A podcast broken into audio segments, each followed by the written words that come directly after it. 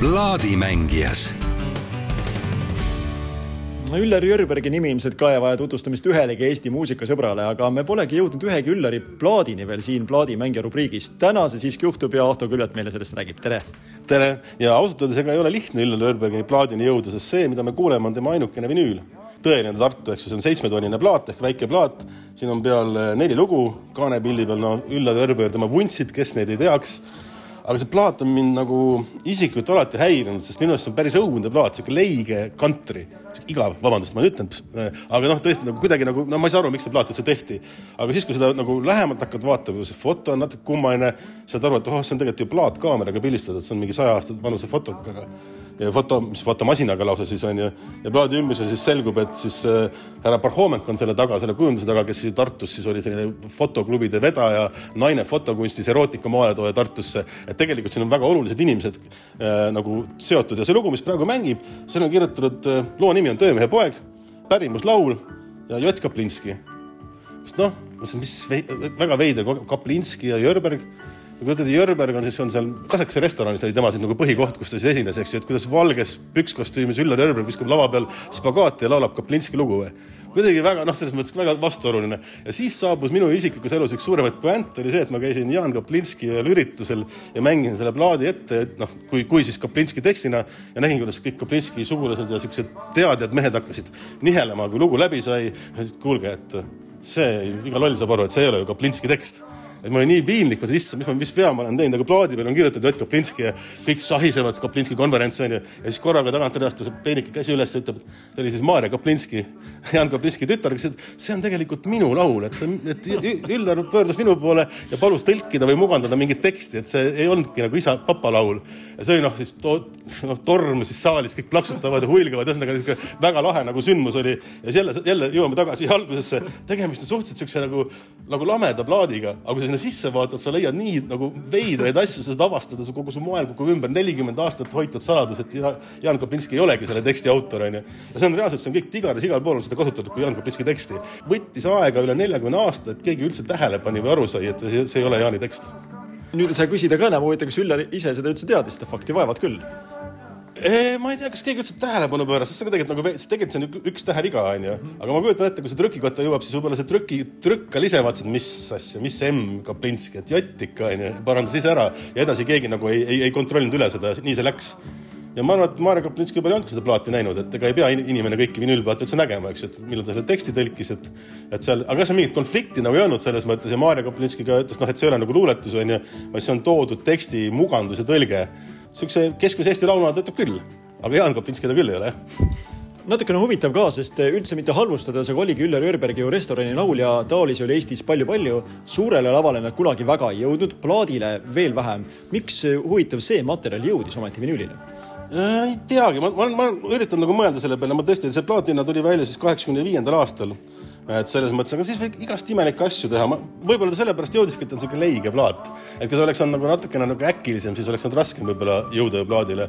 ja Üllar ju pärast parandas kõik need vead ja tema kassette ilmus kümneid ja erinevaid CD-sid vist ja, ja tiraaž on kümnetesse tuhandesse ulatus ja tal on ju fänne üle maailma. soomlased on tohutud Üllar Jörbergi fännid, mitte kõiki lugusid, aga paar lugu, mis, kui te vaatate Youtube'is, seal on nagu pool, poolteist miljonit vaatamist ja pooled kommentaarid on soomekeelsed üldse.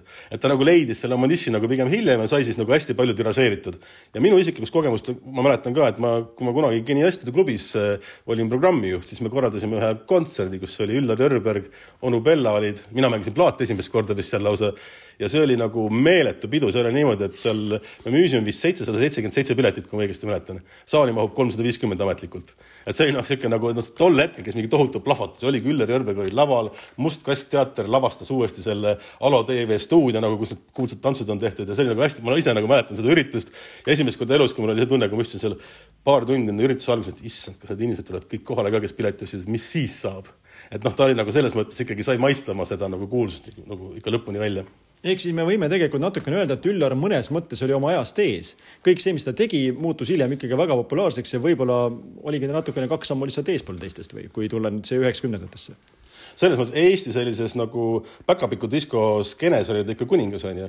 selles mõttes, et vaieldamatult, et see on nii huvitav, et ma arvan, et ega ta ei oleks seda saanud olla kakskümmend aastat varem ja ega ei saa olla ka kakskümmend aastat hiljem. ja Üllar Järveberg oli selles mõttes väga lahe tüüp, et ta käis alati, ta oli väga sihuke kohusetundlik, alati käis esinemas, kui ta käis, tal oli alati oma siis taustamuusika kaasas ja mina ei saanud aru, iga kord ta tegi seal mingeid trikke, vajutas valesti vale loo mängima ja minu arust ta tegi seda meelega, et rahvas saaks nagu kaasa naerda ja laulda seda või midagi teha, et oi, valesti läks, oota, hakkame otsast peale. et see on nagu sihuke hästi lahe, lahe kogemus aga kuulame siis seda esimest muusikapala, mille autor tegelikult ei ole mitte Jaan Kaplinski, vaid on hoopis Maari Kaplinski. just, teksti autor.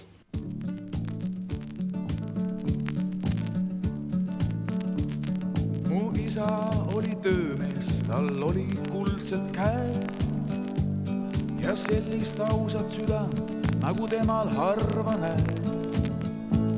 ja õpetuseks meilegi ta lausus sageli. kui näed vaeva ega leib sul laualt kunagi. me laud polnud lookas, ka mitte tühja täis. ja nurin selles asjas üleliigne näis. kui keegi püüdis tõsta häält, siis talle öeldi nii. kui näed vaeva ega leib sul laualt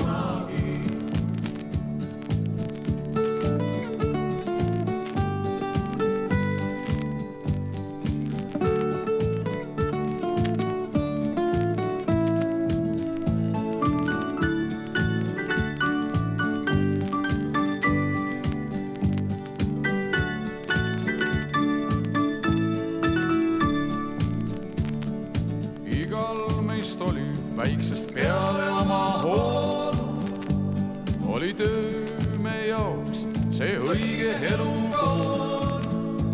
ei haletsenud vanemad, ei meid, ei ennastki. kui need vaeva ei kao leib sul laualt kunagi.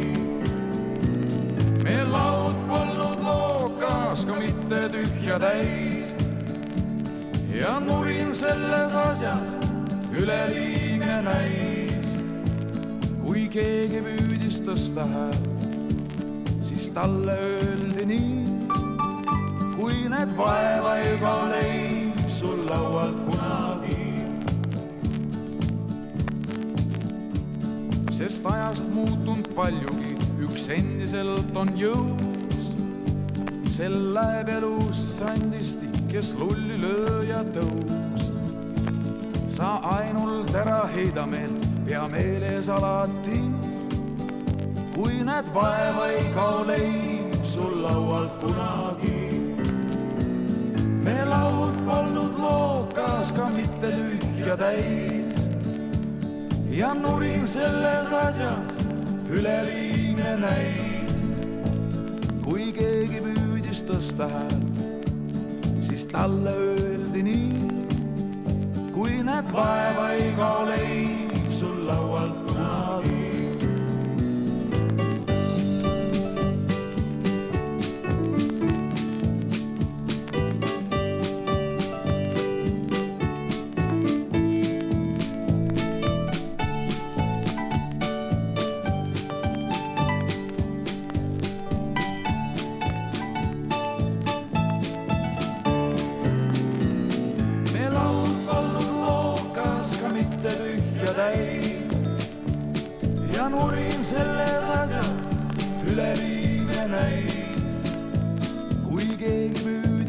üleliigne